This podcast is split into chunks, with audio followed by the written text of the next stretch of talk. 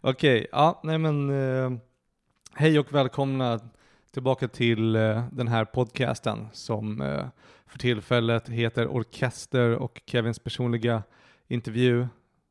Dubbel upp förvirring, eller åtminstone inte så mycket förvirring på intervju, det fattar man ju. Och den jag intervjuar idag det är Atto Karlsson, eller inte idag, nu är jag hemma i Malmö, men jag intervjuade honom för några veckor sedan. Ah, jag det har dröjt som fan med det här avsnittet. Det är bara för att jag har varit eh, skjutit upp i mitt, jag vet inte. Bara kört mycket stand-up och uh, kämpat mot min eviga depression. som kanske många känner igen sig i nu på hösten. Så här, jag har inte typ vågat erkänna det så mycket för mig själv tidigare, men nu har jag börjat inse att jag, jag blir absolut lite ledsen på, på, på hösten. Hela den, uh, vad heter den, den, uh, den sad, eller hur? Sad, man är sad, seasonal depression, anxiety, typ, jag vet inte. Det finns ju något skämt där i liksom att man går till läkaren. Min professionella åsikt är att du är sad. Woo! Och um, ja, men nu, nu kommer avsnittet i alla fall. Jag uh, tyckte det blev grymt. Uh, Atto är ju, jo, men han är, han är en vis uh, man i, i stand-up-gamet får man ändå ta och säga. Och långt gången, det går så jävla bra för honom nu också. Det är kul. Jag tycker han är skitrolig. Han är, han är grym. Så se honom live om ni, om ni får chansen. Uh, man kunde gå in på hans hemsida, artokarlsson.se om jag inte missminner mig. Kommer i slutet om inte annat, hela pluggrundan. Och jag länkar allting i avsnittsbeskrivningen såklart. Eh, men ni kommer nog verkligen att njuta utav det här avsnittet och få ta del av Attos visdom och roliga tankar. Eh, jag tror att man också någonstans får höra mig avslöja var jag står i hela Anis Don Demina-dramat som utspelar sig i stand-up-scenen. Om man gillar honom eller inte, va? Det får man göra som man vill, eller hur? Ja, och vad gör jag då? Jo, men ni får väl lyssna om ni vill höra den grejen.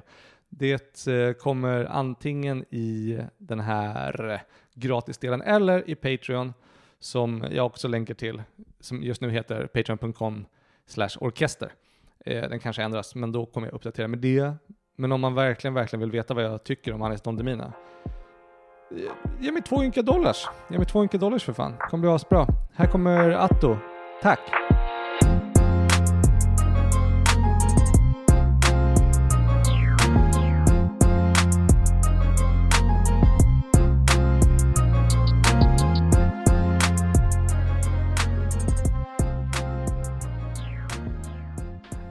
Känner du dig typ redo eller vill du? Uh... Ja, uh, bara så du vet, jag har noll koll på vad din podd handlar om. Jag visste inte ens att du hade en podd. Men ja men nice. Du får guida mig lite grann. Ja men då är du ett perfekt objekt för mig. Jag hoppas att det är inga quiz och Nej, inga. skolarbete och sånt. Vi ska podda igen om ett halvår och då ska du ha skrivit en, ja. en halvtimme stand-up till mig. Ja. Det tvingar alla att göra. En jävligt bra taktik. Ja. Och du är en av de bästa. Nej men det, det gör mig ändå lite, lite ledsen, men mest glad att du inte har lyssnat. Men alltså jag, jag vet inte hur mycket, jag kommer inte ens ihåg hur mycket jag skrev till dig, men det är ju typ bara att jag liksom, eh, ämnet är eh, att jag vill prata med dig om dina första år i standup. Eller att börja med standup. Okej. Okay. Och jag, jag har lite frågor här, men de kommer jag bara falla tillbaka på ifall okay. vi svävar för långt eller ifall jag ja. inte kommer på någonting att säga. Okay. Jag eh, men jag tänkte det är mest bara ett samtal liksom. Ja. Och att jag bara, för du är, ändå, du är ändå en av de komikerna som jag känner att jag har bondat med och som jag tycker är nice på scenen ja. liksom. Och du ja. har någonting speciellt som jag inte tycker någon annan har i, i stand-up Sverige liksom. Och så därför var jag bara väldigt nyfiken på att höra hur din resa började liksom. Mm. Uh, det är så intressant för att jag uh jag tror i november så har jag kört stand-up i typ tio år alltså, så jag har kört ändå ganska länge nu. Oh, wow. Nej, inte, jo kanske tio år. Vil vilket år började du? Var det 2013? Uh, eh, jag började slutet av 2013 och det är 2023 nu tror jag. Mm. Så slutet, ja, slutet av 2023, då blir det tio år tror jag. Ah, coolt. Ja men då, gör, då firar Eller början av 2024 kan man säga. Ja, just det. Uh, Var hade du första giget någonstans?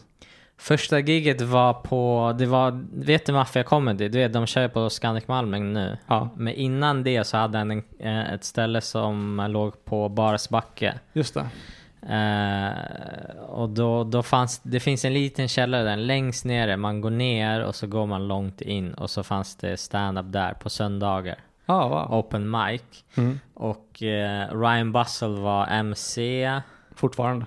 fortfarande. Eh, och jag minns att eh, de var, både Laszlo och Ryan var supersnälla mot mig. Ja. Och jag hade, jag tror det var typ precis efter jag hade, jag kommer inte ihåg vad det var, men jag var jättenervös och mina tre närmaste kompisar kom och Ja. följde med från gymnasiet. Ja, hur var det? Eh, det var jättefint av dem att de stod där med mig. Ja. Och så gick vi tillsammans. Vi var, jag, om jag minns rätt så var vi fyra pers tror jag. Mm. Eh, så jag och sen mina tre närmaste kompisar. Hur, hur gammal var du då? Alltså, jag, jag tror jag var typ 20, 20 någonting. Hur, 19, 20 tror jag. när är du född egentligen? Jag är född 92. 92? Ja, Ja. så jag var någonstans där. Eh, jag minns att det var så här eh, ganska, det var inte så långt efter gymnasiet typ. Mm.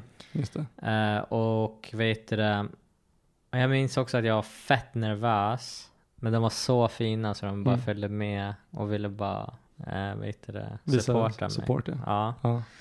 Och sen så minns jag att vi satt och pratade och, och, och jag var jättenervös och så sa de, men vi kommer stå längst bak så kolla bara på oss och prata med oss. Mm. Och sen sa jag okej. Eh, och sen så... Eh, och sen gick jag upp och körde. Jag hade planerat en sak jag skulle köra. Skrev Mm. såklart eh, typ samma dag. eh, men inget av det där var bra. Eh, men, alltså sj- själva giget gick inte så bra för det var, jag, jag antar att det var lite cringe och så.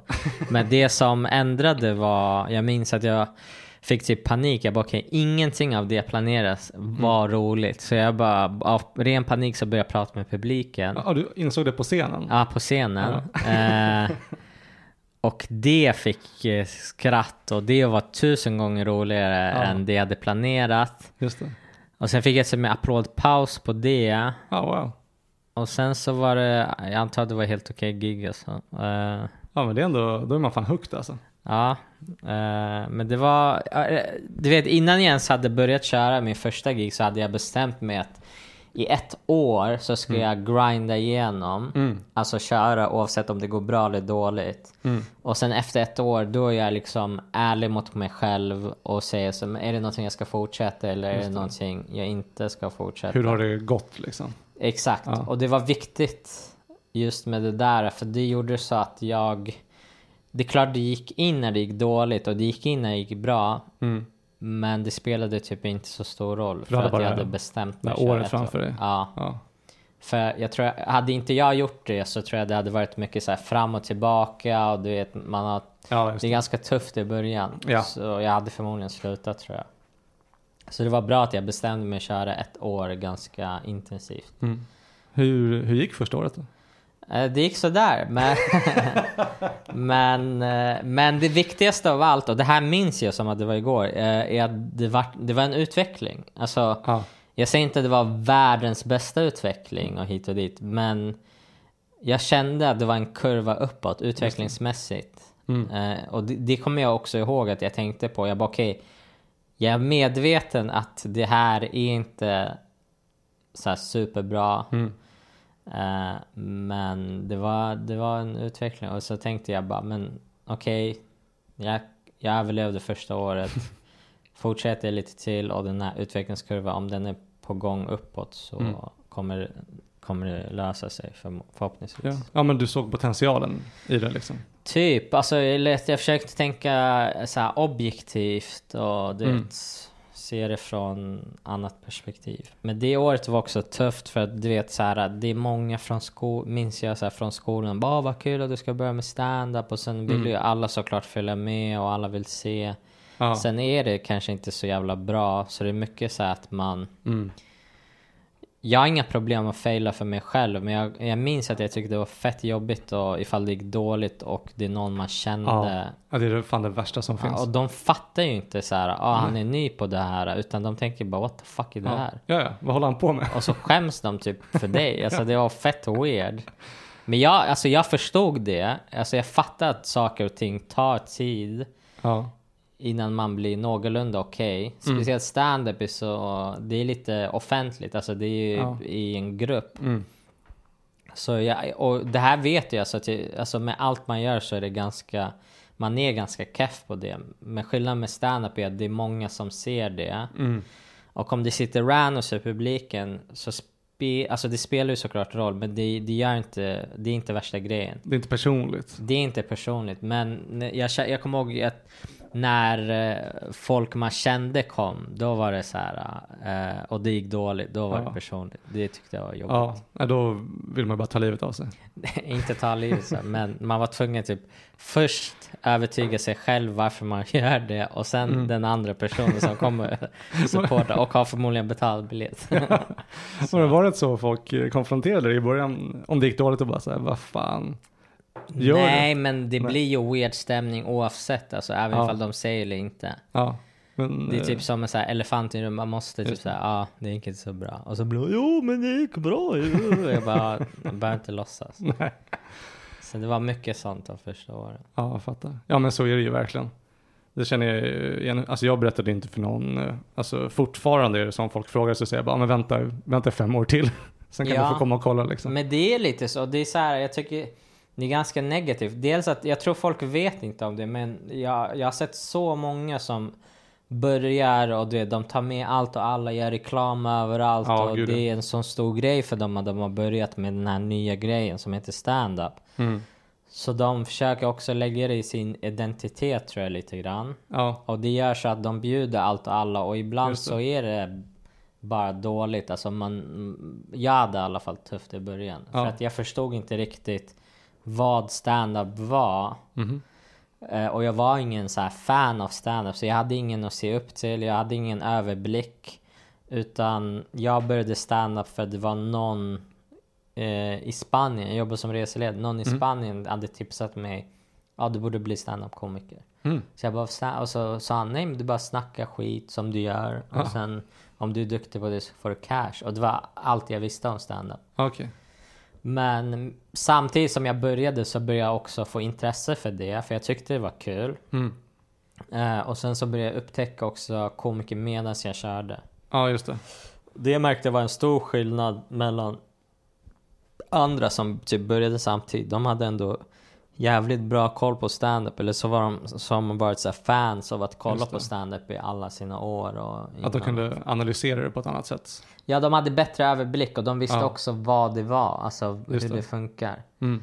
Jag bara gick upp och trodde att man ska bara... Det, Ja, men vad, vad skönt. den värsta typen av Ja. nykomiker. Exakt. Men vad kommer själva idén ifrån då? Att du skulle liksom... För jag, tänk, jag tänkte att du eh, var ett fan av stand-up eller hade lite koll på det eftersom att du hade det här, okej första året kommer suga så jag ska bara ta det här året och satsa. Mm. Var kom den idén ifrån? Om inte från Alltså att jag ska börja stand-up eller det här att satsa ett år. det här just att satsa i ett år. Jag tror det kom från boxningen för att jag Mm. tävlade i boxning Mm. eh, och jag började tävla ganska när jag var ung. Mm. Och jag minns att jag var typ minst i min grupp. Det fanns folk som var äldre, mycket större. Och jag var inte så här superfysisk. Jag var typ tvärtom. Alltså ofysisk var jag. Eh, och jag minns jag började på den här klubben. Och de i min grupp var redan...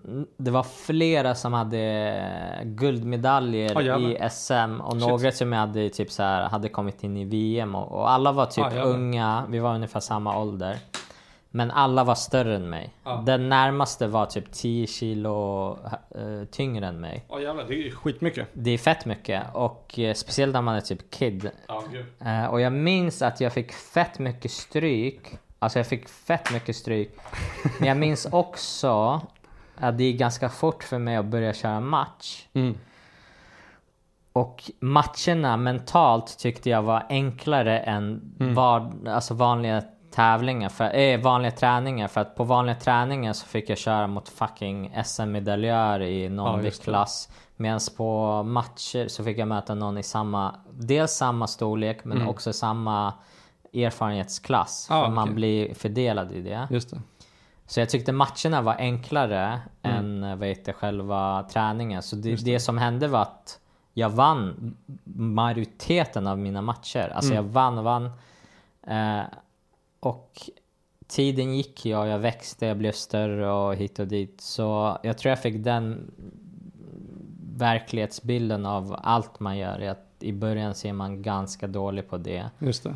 Men om man håller fast lite grann och man gillar det så löser det sig. Så jag tror jag fick det från boxningen. Just det. Så det Fattar. var därifrån. Fan bra livsläxa att hämta upp så tidigt. Men jag, jag tror, jag, jag tror eh, sport är jävligt positivt alltså som träning inför livet i olika situationer. Absolut. Speciellt, alltså nu har jag bara kört eh, boxning men sport där man är solo. Mm. För då, då tvingas man till att typ, börja vara, försöka i alla fall se sig själv objektivt och Just det.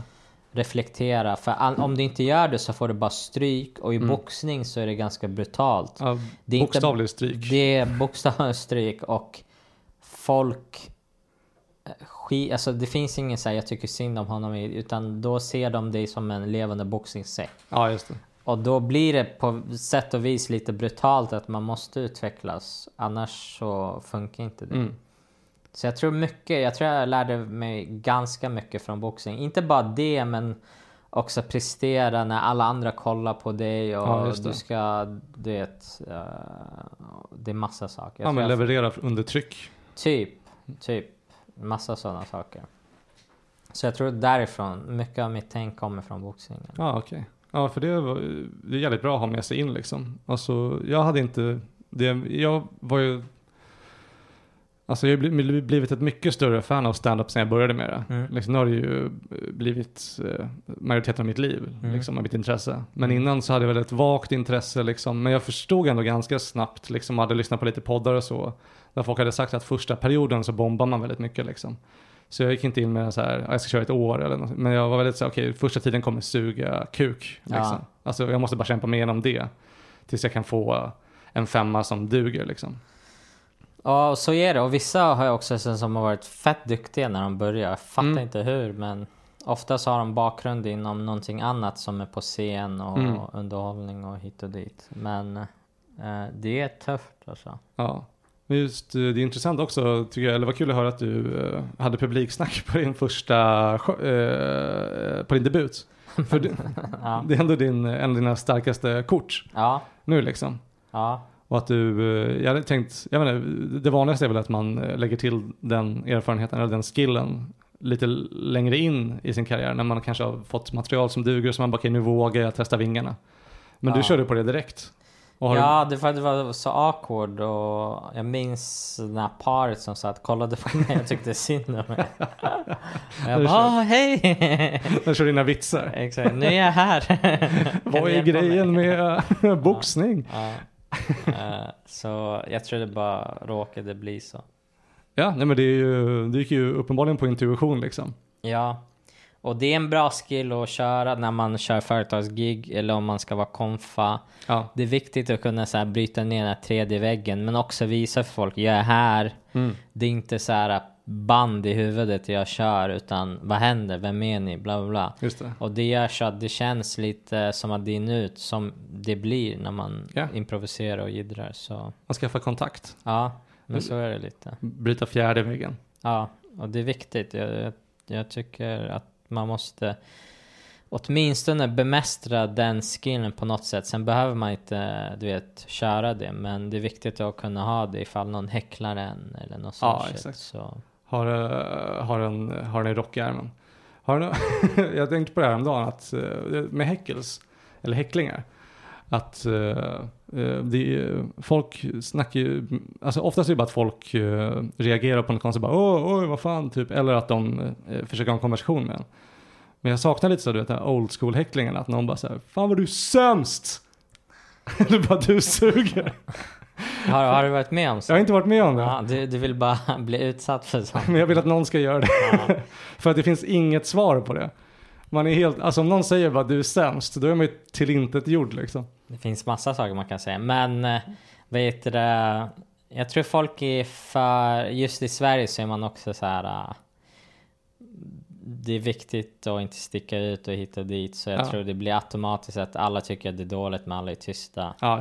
Medans i, i London, jag, jag bodde där lite grann och körde, där skriker de saker. Ja, Men oftast, det har hänt så här att folk skriker, att någon skriker du är sämst, det är ganska Ja. negativt. ja, Medan i London så var det mycket mer skrik, men det var också positivt och roliga kommentarer. Ja, okej. Typ som att så här, jag vet inte, jag kan inte komma på något, men det, det, det är mer typ så här pusha eller lätta på stämningen eller just det. någonting. Så det det- finns det ju bidrar, liksom. Ja, bidrar lite grann. Så det finns olika häcklingar tycker jag. Mm. Men för det är ändå uh, grymt på det kommer jag ihåg i början att jag tyckte, jag var så nervös i början om någon häcklade. Ja. Så jag såg all typ av häckling som eh, negativ. Eller sån, all, all respons som inte var skratt liksom. Ja. Eller leenden såg jag som negativ. Så då kunde jag bli ganska defensivt inställd till det. Men du är så jävla duktig på eh, brottas med det där också. Alltså ta någonting och att, alltså även ifall det är någon annan som säger någonting roligt så det känns inte som att det rör dig på något sätt liksom. Det gör det verkligen inte. Plus jag får inte så mycket häcklingar. Alltså inte jämfört med de jag började med. Eh, vissa får mer, alltså det, det är bara så. Sen har jag inte fått så mycket ändå. Jag tror inte jag har fått så mycket utan och när det väl händer så har jag inga problem. Det hände nyligen när jag var, jag körde företagsgig nu Mm. och det var någon gubbe, det var bara massa gubbar, typ 100 gubbar, 60 plus. Och det blir jävligt så här grabbig stämning. Ja. Eh, och då, speciellt när det är många så här grabbar i grupp så vågar de skrika mer. Då har de Ja. liksom guts. och då var det någon snubbe som skrek typ så här. Ja, i Japan så äter man mycket hundar. Mm. Alltså han bara skrek det och så tänkte jag, vad fan ska jag säga på det? Ja. Han var lite, eller han var ganska överviktig. Han var en kraftig gubbe, typ såhär byggarbetargubbe typ. Ja. Och då sa jag bara, men det ser ut som att du har ätit massa hundar. Och då blir det där mobbing mentalitet. Grabbar mobba. Ja.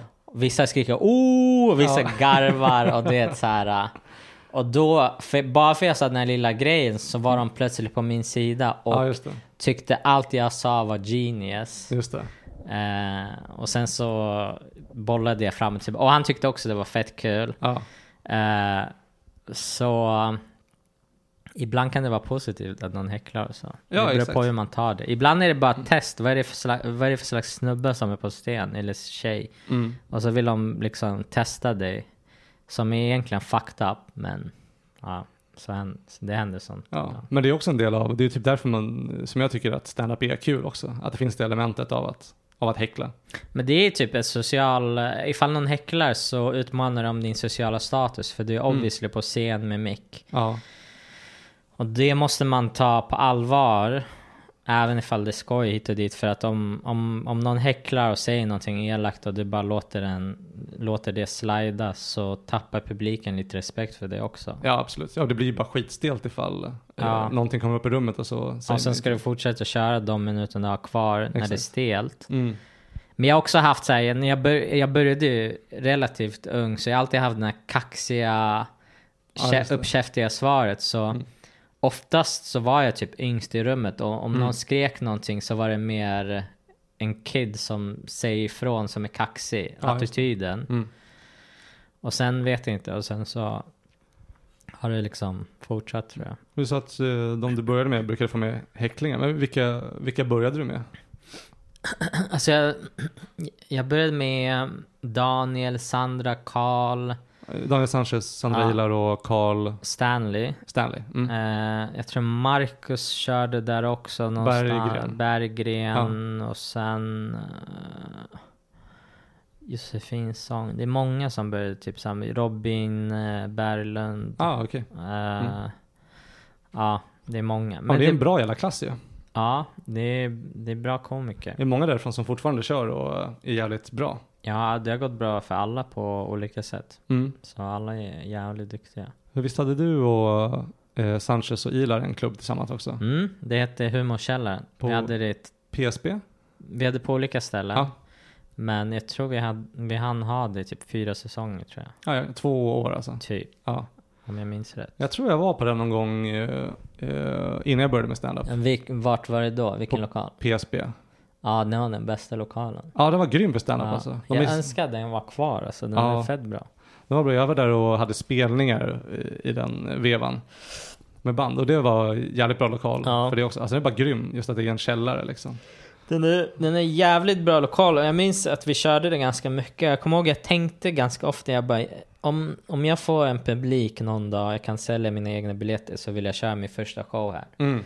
För att det var en så liten och intim lokal så att ifall det var bara fem pers eller tio pers i publiken så Mm. blev det ändå bra stämning för det var Just så det. intimt. Vilket år körde ni där?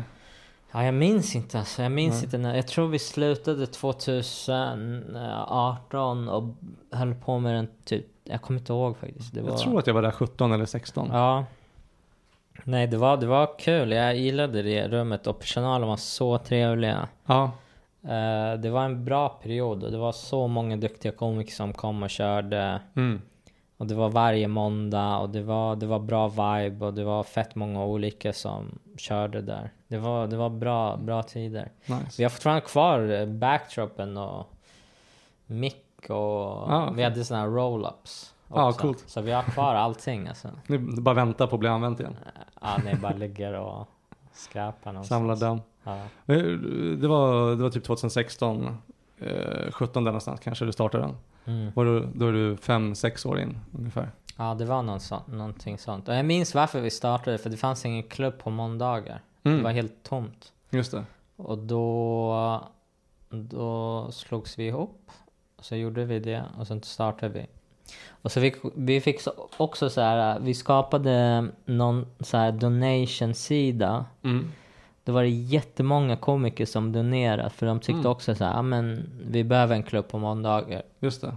Alltså typ av Kickstarter eller Ja? Kickstarter. Så jag tror vi samlade ihop typ så här 15 000 Ja, jävlar. som var sjuka pengar. Alltså. Ja, för, för, för roll-up så. För, bara starta klubben och Mm. det vi gjorde var att ehm, vi, hade, vi hade hyrt in någon superduktig designer som gjorde loggan. Mm. Eh, vi köpte backdropen och så kostade det typ extra mycket ifall man ska logga på det. Mm. Roll-ups, bra stativ, bra mick. Ja. Det var massa saker vi köpte. ja, men det går ju pengar. Ja. Men uh, öppnade du någon klubb? eh, eller var det första, är det den klubben du har haft? Den första och enda klubben jag haft. Ja. Den är ändå, folk snackar ju fortfarande den ibland, Är det så? vet jag. Ja. Att de tycker om den, tyckte om den som fan. Nej, det var kul. Jag lärde mig fett mycket av att ha en klubb. Turades ni om och, turades ni om och MCa då? Eller hur? Nej, det var oftast jag som MC. Dels för att de andra inte typ pallade, eller de visste, de gillade inte MC och då Mm. tänkte jag fuck it, jag kan ta hand om det. Medan någon annan tog hand om bokningar och någon annan tog hand om, jag kommer inte ihåg, någonting annat. Så vi fördelade det så Okej. det kändes rättvist för alla. Ja, fattar. Eh, så det var chill alltså, det var ganska nice. Fan vad fett. Men Ja. eh, efter det här första året du hade, ehm, när du körde den här utvärderingen liksom, vad, vad var det för, vad ska man säga, måttstockar du använde på dig själv eller, och hur liksom, kom du fram till att du skulle fortsätta? Nej, det var bara det att jag, jag minns att jag tänkte, jag bara, men jag är lite bättre och det är en utveckling. Och Mm. det var bara det jag minns att jag tänkte. Och sen var men jag fortsätter. Hur, eh, eh, vad hände sen efter det, efter det året? Ja, och sen så... Sen så var det någon period där jag... eh, Där det, där det började gå bra. Sen började också MC, det minns jag gjorde en stor skillnad för mig. Mm. För det gjorde så att jag var mer avslappnad på scen och när man MC så behöver man inte alltid, vad heter det, köra material. Just det. Så det försvann och det gör så att man blir mer loose. Och så fick jag också pengar för MC. Mm. Så det var något år därefter där jag MC'ade ganska mycket, alltså fett mycket. Typ två, tre år så var jag Ja. konferencier. Var, vart då någonstans? Lite på olika klubbar, dels Mafia, ibland var jag på Big Ben tror jag. Mm. Eh, en annan klubb som heter Stockholm Comedy Club. Mm. Janne Westerlunds va? Och, ja, och eh, hans eh, dåvarande fru Magdalena. Just det. Eh, så jag konfade mycket och jag minns att det gjorde stor skillnad för min standup. Hmm. Det blev typ som en hopp. Vad var det som hände då? Jag vet inte, alltså jag tror det var det att jag blev avslappnad. Alltså Mm. det var inte värsta grejen. Alltså, Att du helt plötsligt gick från att köra 5-10 minuter till att stå, vad kan det vara, 20-30 på en kväll liksom. ja, och... eh, Man har inte samma press på sig heller som MC. Och vad kul liksom. Jo, det, det hade jag, fast det var, det var annorlunda press. Alltså. Det var... Det är typ en annan muskel där kvällen i helhet ska vara liksom bra. Man, det är mycket att man ska serva. Mm. Man, man börjar köra skämt och sen när det är bra stämning så lämnar man över det till eh, första komikern. Mm. Och så har man kanske, jag vet inte, sex, sju komiker på en kväll och ibland så kan det gå dåligt för någon komiker. Då är ditt jobb som MC gå in, rädda upp stämningen, fortsätta bollen, hålla bollen rullande. Mm. Så det är massa så saker man måste ha överblick. Eh, men jag minns också så här, det, det började gå så här lite rykten om att folk tyckte att jag var jätteduktig MC. Mm. Och då började folk liksom, då började få mer och mer jobb som konfa. Mm. Och folk började prata om att jag var duktig MC. Och jag minns att jag tänkte så här, men jag började stand-up för jag ville köra stand-up. Ja. Och då bestämde jag mig, men nu slutar jag MC helt. Mm. Det var tufft minns jag för att, just från den ekonomiska delen för att jag behövde fett mycket pengar då. Mm. Jag var fattig. Eh, men samtidigt så ville jag inte heller bli igenkänd som... Jag ville att folk skulle ta mig seriöst som komiker. Ja, så, så det var när du hörde det ryktet om att du var... Nej, det var... Alltså det pågick länge. Folk Ja. sa att det var positivt. Ja, folk Ja, tyckte att det var såklart. bra. Men jag tog det lite så här, men det, det är inte det här, det är inte därför jag gör det. Det var Just inte därför jag började, utan det var mer en rolig grej för att få sen tid, lite cash. Mm. Eh, så... Och det är lättare att få sen tid ifall man är konfa. Eller så Ja. var det förut i alla fall. Man får ju mer också när man väl Exakt. är konfa. Verkligen. Så... Och då slutade jag konfa helt. Alltså Ja. helt. Och sen så... Så försvann det och sen så satsade jag bara på att köra standup. Ja, men nice. För då, men då fick du ändå väl, låter det som, som att du fick ut det du behövde av det liksom. Det tror jag. Men sen så är det massa år på det också. Det, det gick Ja, ju år såklart. och hit och dit. Så. Såklart. Det, det är bra, det är bra. Jag tycker, jag tycker det är, om man ska hålla på med stand-up och så, det är Mm. säkert fett tråkigt för folk att lyssna för ingen håller på med stand-up. Men jag tycker i alla fall att man borde, speciellt om man är ny på det, då borde man åtminstone investera i att konfa lite. Mm. Sen när man känner så här, men jag bemästrar den här muskeln, då går man vidare bara, man lämnar ifrån. Men det är viktigt att kunna bemästra många olika skills i stand-up tycker jag. Gör du mycket så att du går från en, vad ska man kalla det, muskelgrupp till en annan? Typ, lite. Man, man hittar ju på också mycket i sitt huvud och så, men Ja, jag sätter upp olika taktiker då. ja, jag kommer ihåg jag hade en period där jag skulle bara, jag, jag skulle bara sitta på en stol Mm. och köra hela gigget. Just det. Ja, det kommer jag ihåg att du sa till mig någon gång, Ja, som tips. så jag körde det ett år. Och det var för att Eh. du skulle leka mer med rösten typ. Ja, det Eller hur? tvingar ju dig att leka lite med det, för då du kan inte använda din kropp lika mycket och hoppa runt och vara energisk. Så då får du använda mycket rösten och blicken och så. Ja.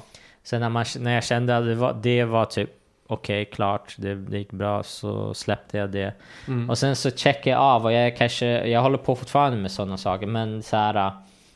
De, de flesta minns jag inte ens, men man har det i ryggraden så går man vidare och så checkar man bara av olika saker, olika muskler. Mm. Eh, och så håller man bara på. Eller jag gjorde så, jag vet inte om det är Mm. bästa taktiken men. Men det har ändå varit så lite mer fokus på en grej i taget. Typ ett år i taget har det varit. Ja, wow. Ja. Okej. ja, det är en lång period verkligen. Ja, för då, då testade jag det verkligen. Ja, Eh, och sen kommer de andra liksom. Alltså man kan ju inte göra armhävningar och bara fokusera på en muskelgrupp. Man får ju mer rygg och ja, armar och skit Ja. också liksom. ja, ja, ja. Även Och, fast man fokuserar på bröst eller ja. publiksnack eller vad det ska vara liksom. ja, så det var, det var, det var mycket sånt shit. Eh, Ja, vad coolt. För en, Och- en grej också som gör dig väldigt eh, unik och en av, alltså en av grejerna. Men eh, du, du är väl den som kör samma eh, set om och om igen liksom, flest gånger. mm. Ehm, hur, hur tänker du kring den grejen? För alltså nu, din, alla dina liksom, vad ska man säga, de här rutinerna som nu har jag sett i hundratals gånger liksom. Mm. Eh, Så de rutinerna har ju blivit helt extremt starka liksom. Men vad är liksom tanken med att bara köra så mycket samma hela tiden? Alltså nu, nu har jag inte jag kört samma på ett tag för att jag var på turné. Jag turnerade med den föreställningen jag hade och då var det alla de gamla äldre skämt och hit och dit. Ja. Sen så fort det tog slut som var typ i maj så har jag bara försökt skriva massa nytt hela tiden. Mm. Eh, men det var en period förut i alla fall där jag körde kanske samma tia. Mm. Men då kanske jag övade på att sitta på en stol och köra den tian eller att jag var mer energisk ena dagen och testade att vara mindre energisk.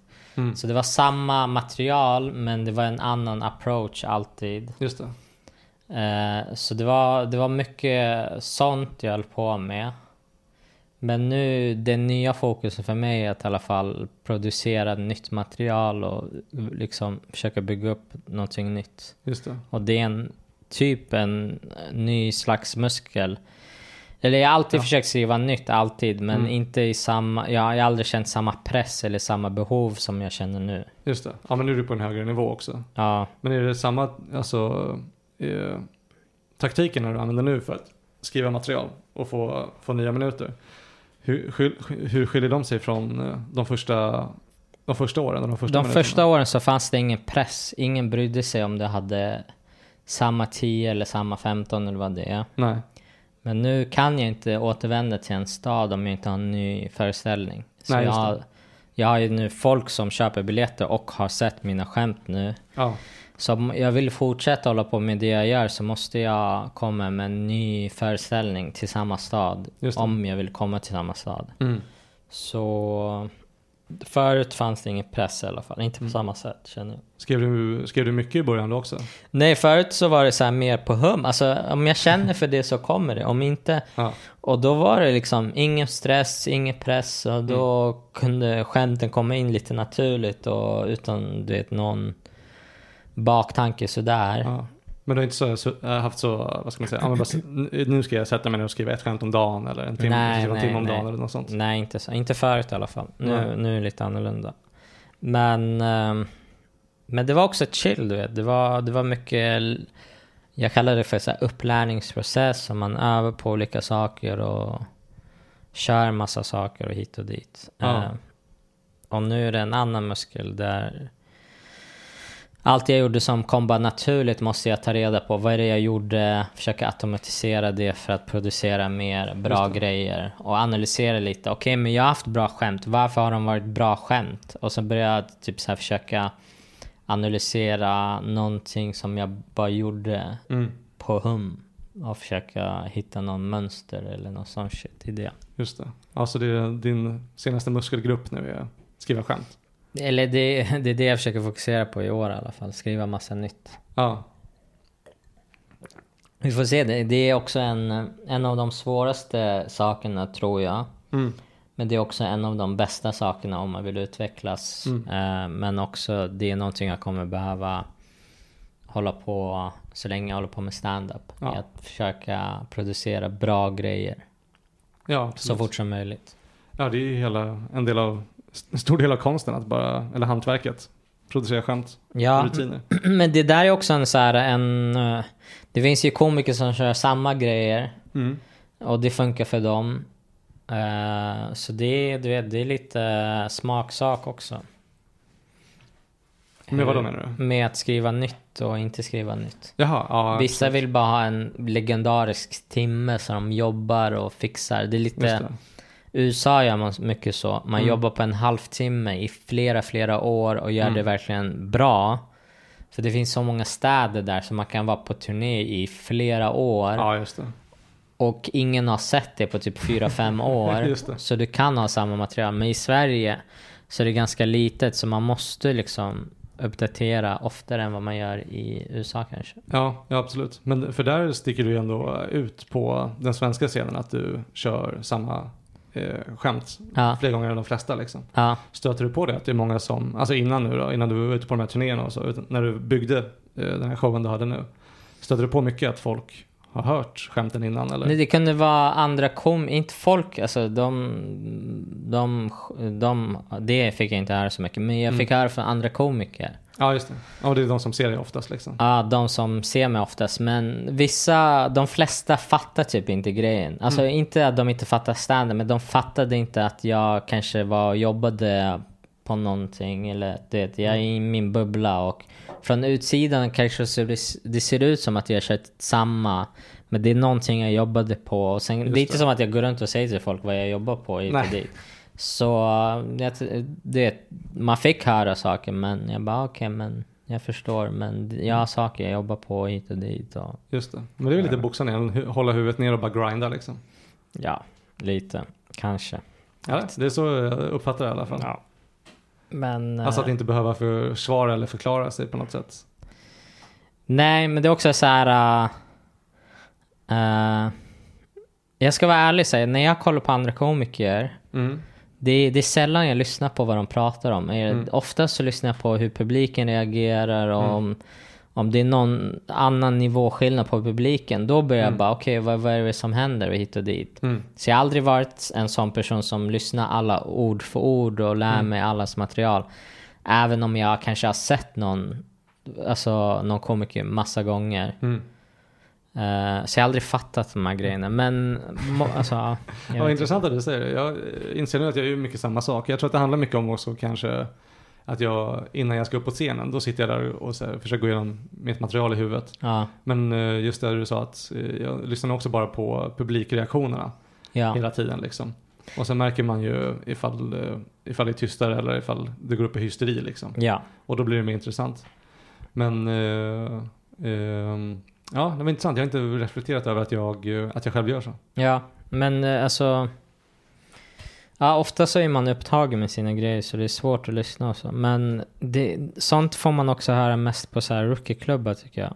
Hur, hur, hur, Att ja, andra komiker stör sig på att du kör typ samma grejer. Ja. Medan på proffsklubbar och sånt så har de lite bättre överblick och de Ja. vet vad som är vad. Och, Det är lite mer standard där också. men de fattar grejen och det är en annan standard. Och, sen också så här, om man ska kolla från den andra sidan så finns det också den här stora grejen där de flesta mm, så här, som har kört länge kanske sitter fast på samma material. Just det, kommer inte vidare.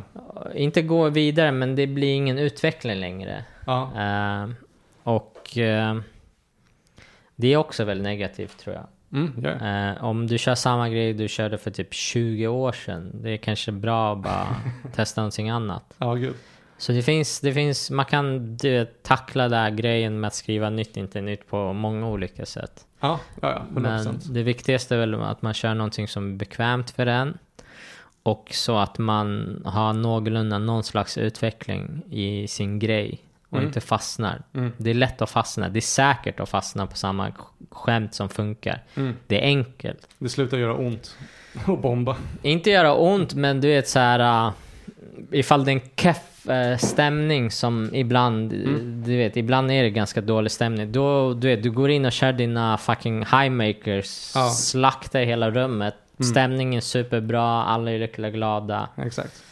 Det, sv- det svåra är att det är bajsstämning, du har typ ingen självförtroende i de nya skämten och du ska ändå du vet, hålla dig Ja. fast och köra dem för utveckling. Alltså Ja, i, det. stora, i stora hela så gör du små utvecklingssteg.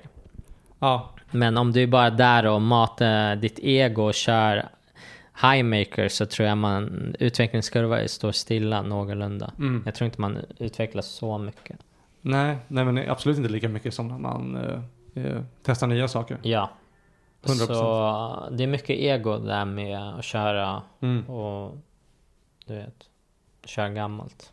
Det är mycket ego, man fyller på egot. Ja, jo men det är sant.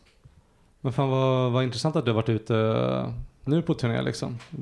Hur, eh, har det, har det gått bra förut? Det var bra. Ja, Det var bra. vad jag, roligt. jag har kört tre rundor. För vi, du körde någon med eh, Don Demina nu Mm. och sen var du ute på två, var du ute på tre egna nu? Jag var tre egna Ja, och wow. två av hans. Ja, Eh, ordentligt jävla schema. ja, det, det har varit mycket gig. Så jag tror... Jag minns inte, men jag körde över typ så här. närmare 50 städer tror jag, själv. Ja, wow. Och sen så med honom körde vi kanske över, ja, minst över typ 30, närmare 40 tror jag. Ja, jag wow. Men för då var ni med på eh, teatrar? Ja. Anis, Eller hur? Ja, stora rum. Ja. lyxiga rum. så eh, det har varit lyxigt på många olika sätt. Ja. Eh, sen har jag också sett så här, jag lär mig också när jag hänger med honom hur det funkar på lite högre nivå. Just det. eh, hur det kan se ut och sen när jag mina egna grejer så eh, försöker jag efterlikna på det bästa sättet jag kan. Och nu senaste turnén så har jag, så jag haft eh, några teatrar. Mm. Eh, som också var typ sam, det var samma teater som Ja, samma rum. samma rum. Ja, wow. Så det är någon slags utveckling. Ja, fan vad stort. också. Ja. Hur, eh, om jag får fråga, hur, hur, hur många minuter gjorde du på eh, när du var ute med Anis? Eh, första rundan så körde jag typ en kvart 20 som max, men det Mm. var en kvart. Andra rundan så körde jag kanske 25-ish, kanske 25-30. Ja.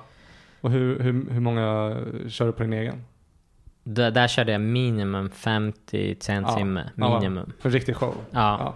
eller jag försökte men Ja. Men fan vad Eh, skönt, för det var ja. Anis och sen din egen, eller hur?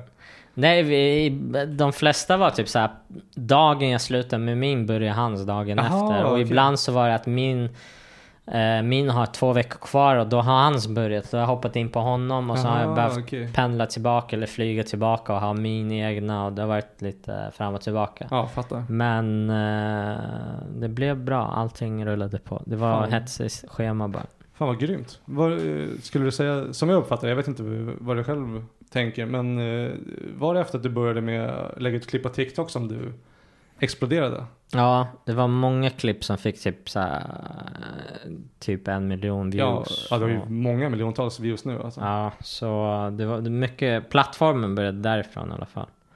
Det är jävligt tidigt att hoppa på den också. Det var typ du och Nyqvist som var Mm. först i Sverige. Ja, så det gick fort och du vet, folk var inte vana att se stand-up på TikTok och, eh, och så ser de någonting helt annorlunda, alltså Mm. någon kille med mikrofon, så tror jag det var positivt för mig i alla fall. Ja, och då är du liksom, vad var du, typ åtta år in också. Så det har blivit tight som fan liksom. Ja, det var många skämt som jag la ut som jag hade inte kört på flera år och tänkte det är ändå bajs, ingen kommer bry sig och ingen kommer se och så gick de Mm. supervirala. Mm. Eh, Och det har ju verkligen slagit an en, eh, en nerv hos folk. Alltså på ett bra sätt. De verkar ju... Ja, jag vet inte. Men det, jag tror mycket, det var i alla fall startskottet och sen du vet, har jag, jag har varit nu massa gånger på SVT, har varit på olika YouTube-kanaler och hängt med lite influencers och så. Så det är lite från allt då. Ja, just det. Men det var TikTok som var först där liksom. Jag tror TikTok är överlägset störst, tror jag. Jag vet inte. Sen Ja. du vet, jag började lägga upp på Instagram också. Det gick, Ja, det. några videos gick virala där också så. Men det är TikTok och, eller sociala medier som har lett vidare till Ja, SVT-giggen ja, och så. Vad är det för ja. SVT-gig du har gjort? Det Var är flera. på- Jag jobbade där och sen har jag giggat där och sen har jag gjort lite program. Var, var du med på IFS? Ja, Ja, just både säsongerna. Jag har också eh, skrivit för dem. Ja, okej. Eh, Fan fett. och sen har det varit andra projekt på SVT Och också. då, var, då satt eh, Sanchez med också, eller hur? Ja, Fan vad roligt. ja. Mm. Grymt att sitta och skriva med honom. Det var fett kul. Det var typ en av de roligaste dagarna, skrivdagarna jag haft. Jag kan tänka mig. Det var alltså med, med förstoringsglas kollat på eftertexterna för att se vilka man känner liksom. Ja, Bra jävla team Ja. som har varit med på den produktionen. ja. Och eh, inte för att vara den som är den, men vi hade bra shit alltså. Den har, den har slaktat den säsongen. Ja. Alltså det är typ det roligaste på svensk tv just nu.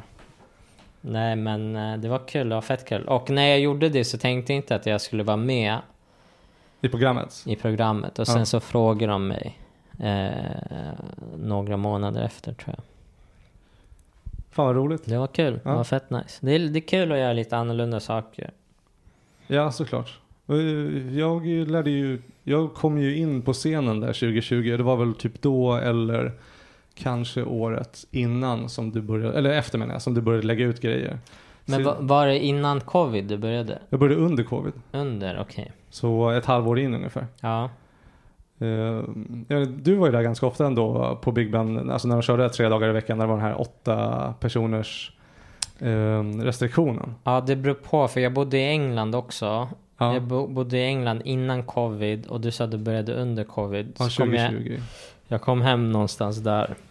Okej, för jag kommer ihåg att du var på den, den sommaren innan jag började, då var du i, i, på Big Ben och körde några gånger i alla fall. Ja, Minns jag. ja. Eh. Det var annorlunda tid, alltså det var weird. Ja, weird som fan. Verkligen. Men jag kommer ihåg att jag ifrågasatte mina val i livet under covid, minns jag. Ja, För att eh, man, jag hade giggat så mycket och hade byggt upp en slags identitet med stand-up men också eh, många kompisar från stand-up och sen så försvann allt det där och så var det liksom bara tomt. Man gjorde inte så mycket. just det. För du var... s- har jag hört någonstans att du satt isolerad i, i London? Under covid? Ja, jag var där med min flickvän och Ja. vi bodde i en liten etta. När det var, och de hade ju full on restrictions, eller? Ja, ja, så folk typ dog och shit. Eh, alltså folk dog ju överallt. Men jag Ja. menar just i det, den lilla området där vart vi bodde så Ja. hade det typ 25 pers dött på en dag. Åh jävlar. Så det var så här, eh, Fan mörkt. ja. För de har ju inte, den historien har jag aldrig hört här i Sverige liksom. Här Det- sprang alla runt. Jag har inte ens träffat någon som vars mormor har dött typ. Alltså folk har ju uppenbarligen dött, det är inte så Ja. Men eh, för 25 på Men jag träffade inte dem heller utan jag, vi läste det bara i någon tidning så här, någon, Ja, jäklar. Men ja. Eh, det var en sån här tidning och så var det en karta på Londons, eh, liksom alla förorterna i London och så Mm. var det typ så här hur många som hade dött. Och den lilla cirkeln där vart vi bodde så hade 25 dött. Så jag vet inte. Ja. Jag träffade dem aldrig. Men det var, det var grovt. Det förändrades typ på två, tre dagar. Allt Mm. från noll till hundra. Från ingenstans. Ja. Eh, och så minns jag att vi, åk, vi, vi skulle flyga hem till Sverige. Mm. För att det var någon period de hade precis, de skulle stänga alla länder och de hade precis stängt typ Danmark tror jag. Mm. Så vi hade panik med att ta sista flyget hem innan de skulle typ, vi visste inte om de skulle stänga Sverige eller inte. Just det. Eh, och jag tror jag aldrig varit med om, det var verkligen, alltså det var så här, man kände i luften på flygplatsen att Mm. det var kaos. Det, Mm. Alltså jag, jag kommer ihåg jag tänkte säga bara okej, när det är krig, det Mm. måste kännas så här hemskt alltså. För det var så här, det var fett weird. Folk gick runt med overaller, vissa Ja, wow. grät, vissa spydde någonstans. Det var det som jävla zombie apocalypse. Ja, Så, verkligen. Ja, så det var, det var mycket. Ja, just att det var så jävla globalt också det fenomenet. Ja, Det är crazy. Också på Londons airport av alla ställen. Ja, som en av de, eh, en av de större ja. i världen. Så det var, det var mycket också, mycket rädsla för att många flyg vart avbokade också. Det var massa random shit. Så det var många som var där som väntade på flyg. Vissa ville åka, vissa var fast och det var bara oroligheter Fattar. överallt. Fattar. Men eh, så då, eh, var det när du satt i, i London där eller när du kom hem som du började tvivla på hela stand-up-grejen? Nej, det var, det var en lång period sen när jag kom hem där Ja. ingenting hände alltså. Mm. Alltså ingenting hände för mig. Alltså att jag typ tränade inte, jag bara chillade, gjorde inte så mycket. Eh, så det var, det var osäker period. Men så fort covid liksom restriktionerna försvann Mm. så, så åkte jag på turné. Och Mm. Det är så ironiskt för att innan stand-up så hade jag ingen plattform. Efter, eh, innan covid så hade jag Mm. ingen plattform. Efter covid så hade jag en plattform. Ja, Så, så fort restriktionerna försvann då testade jag egen show, folk kom. Och sen Ja, så har jag bara det. fortsatt sen just det, för du alltså. byggde ju allting det. ja, innan du öppnade upp, ja. ja. Just det. Så det var mycket sånt shit. Du var, träffade verkligen någonting på, eh, på huvudet där då? Alla sitter inne liksom. TikTok hade precis kommit till Säkert, jag vet inte hur de här algoritmerna funkar. Det var säkert så här, om man kollar på statistiken Mm. så var det säkert som populärast då. Ja, det inte. måste du garanterat Ja, vara. när det folk måste slog vara. hemma liksom. Ja, Alltså eh, inte bara i Sverige utan också alltså hela världen. ja, det Jag var kom- typ då TikTok kom också, lite Ja. innan. Exakt. Eh, Jag kommer ihåg det var då man folk började snacka om det. Det kanske hade funnits en stund. Liksom. Kina har ju haft det ganska några år längre. Ja. Men det var då alla började ladda hem appen liksom. ja, Ja, det var, det Det var var typ inte... i den perioden när folk fortfarande var såhär, åh det är bara 13-åringar som har TikTok. Och nu Exakt. är varenda 40-åring det. Ja, nu, nu håller Instagram gå ner säger de. Vad sa du? Instagram håller på att gå ner och Snapchat och TikTok är de två toppopulära tror jag. Ja, ja just det. Så, ja. Men där lyckades du verkligen eh, träffa någonting. Men jag antar att det inte var planerat utan bara en av de sakerna som, som händer. Att det var så här, det hände ingenting. Nej, det var ren luck. 100% luck. Ja. Jag minns också så här, de första videos som gick virala som var helt nytt för mig. Så jag bara shit. Jag bara, vem är det som kommenterar på mina videos? Så började jag kolla och så det var massa positiva kommentarer och Mm. det var nytt. Hur, var, hur var det för dig att liksom komma, komma in i det? För nu, nu antar jag att du eh, blir mer och mer igenkänd liksom, Mm. när du är ute och går. Men jag minns när en av mina så här, typ, största videos gick virala så var jag ute och handlade så var det typ tre, fyra pers random som Mm. kände igen mig. Mm. Eh, och jag skulle bara handla och det, tog, det tar typ så här 10 minuter promenera till affären och sen 10 minuter tillbaka. Och på den lilla det var fortfarande under corona, och på den Ja. lilla tiden så kände typ fyra pers igen mig, lite Ja. random. Vad sjukt. Så eh, Hur var det? Ja, det var annorlunda. Så. Eller det har hänt förut så att folk har sett mig köra stand-up och så Ja. känner de igen mig därifrån. Men nu var, nu var det här en hel... Det var fortfarande stand-up men det var från sociala medier. Mm. Det var helt nytt för mig. Annorlunda. Positivt. Mm. Så det var bara fina saker. Och även idag så när folk känner igen mig så är de fett positiva och glada och typ Ja. så här hejar på mig och det säger massa fina saker. Så. Ja men det är väl oftast, alltså det är så jag uppfattar din eh, stand-up och dig också. Alltså så att det är väldigt eh, eh, positivt liksom allting. För jag, vet- jag vet inte, jag, eh, jag vet inte om jag pratar om det här med dig men eh, Alltså jag har börjat bli så himla medveten om liksom eh, vad folk lämnar efter sig på scenen. Om du förstår vad jag menar, vilken känsla som finns i rummet eller vad som, vad, vad, vad är det för smak jag har i munnen efter att någon går av. Liksom. Ja. Och den baseras inte på hur mycket eller hur lite, hur lite eller hur mycket skratt de får.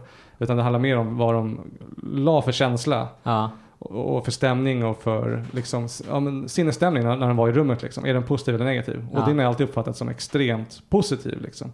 Och det, alltså, det är alltid bara, jag känner, mig så, jag känner mig så fjantig på ett bra sätt. Jag känner mig Mm. som ett barn efter att du har varit uppe på scen. Ja. Och jag har eh, ko- kollat på din show. Liksom. Och jag tror att det är den känslan du eh, förmedlar ut till folk. Och att den verkar då kanske studsa tillbaka till dig. Liksom. Jag vet inte men... Eh, eh, jag, alltså, jag, jag har känt i alla fall bara positivt än så länge Mm. med allt det där. eh, och folk är så fina och speciellt på mina shower som jag har haft där folk kommer ut och verkligen supportar. Och det känns legit som att det är en massa typ så här barndomskompisar som kommer och kollar Ja. på mig och sen du vet Ofta så har alla samma typ så här eh, sin alltså humorstil eller vad man Mm. ska säga. Mm. Så jag har också varit med om show där folk har blivit kompisar på, Ah, under okej. showen och typ bärsat efter med varandra. Alltså, Ja. folk är inte kända, de som sitter i publiken, med Just det. varandra. Så det var fett positiva saker. Och det har alltid varit sköna människor som liksom... De dras till dig. Det- Jag tror, jag tror inte de dras till mig, men jag tror de dras till samma humorstil jag har. Ja, Eh, för de har förmodligen lik, liknande, alltså de diggar Mm. samma skämt som jag diggar. just det.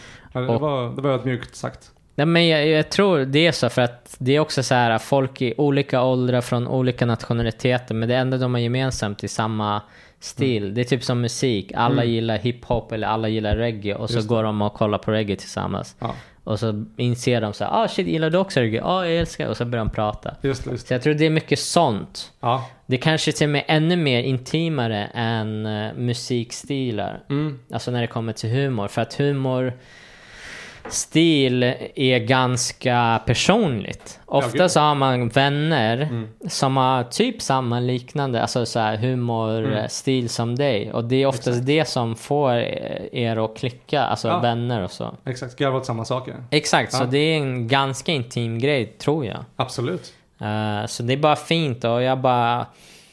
eh, jag har en bra känsla när jag har mina shower. Ja, För jag vet att det kommer komma fett sköna människor. Eh, sen finns det alltid en liten procent som inte är där för min skull utan det är Mm. någon som har tagit med dem och hit och Just dit. just Eh, men majoriteten är oftast jävligt så här, positiva och glada. ja, Sen har det hänt så att folk, det är att någon drar med någon, Ja. de vet inte vem jag är, de bara följer med. Och sen har, blir de positivt överraskade och bara what Ja. the fuck, jag har aldrig varit på stand vad, vad är det här för grej? Bla bla bla. Och eh, det. det. är så här, det är också så att man... eh, Det är många som upptäcker mig också på Ja. de här showerna. Sen, eh, Efter de har sett dig så går de till Big Ben och blir besvikna. Exakt.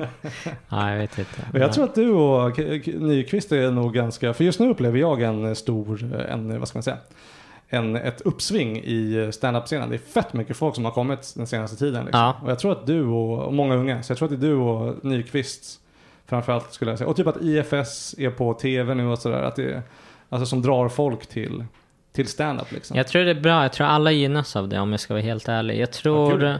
Om någon går och kollar på någon och så blir de så här, men jag, stand-up, alltså generellt som grej. Mm. Fan vad kul det var med stand-up. Och så sitter de kanske hemma och kollar, när kommer nästa komikern hit? Mm. Eller låt oss gå till en klubb och kolla på andra komiker. Se Big Ben backdropen på dina videos eller vad som Exakt, helst. jag tror mycket, alltså jag tror många gynnas av det och alla gynnar varandra på sätt och vis för att jag tror stand-up som yrke växer. Mm, exakt. Och det är bara positivt och det är en, fortfarande en så liten subgrej i Sverige. Ja, Där jag tror Mm. en grov majoritet av människor aldrig varit sett stand-up live Nej. fortfarande. Så jag tror Exakt. bara positivt. Och jag hoppas att Absolut. det växer för flera och, eh, och att det blir större för alla. För jag Mm. tror eh, jag tror det, kommer, det gynnar alla på alla nivåer tror Ja. jag. Det vad, vad brukar man säga? Så att ett, eh, tidvatten höjer alla båtar. Ja, men ja, exakt typ Mm. så. Så, så.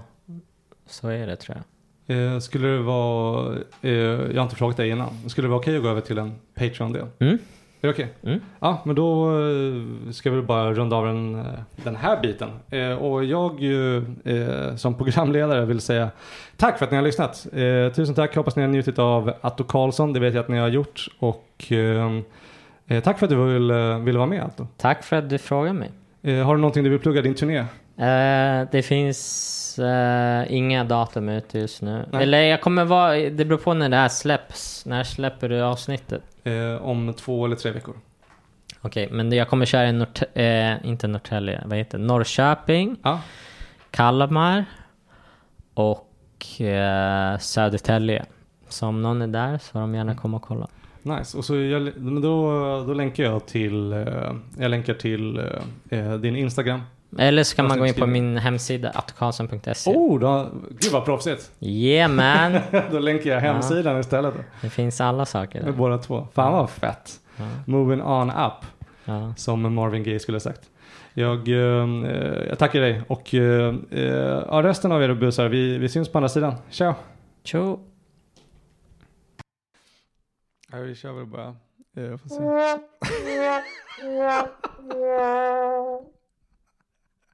Jag hade glömt att jag la in den. Ja, den är kvar. Hej. Applåder. Ja, ah, okej. det var bara den här. Oh my god. ja, vad kul. Um.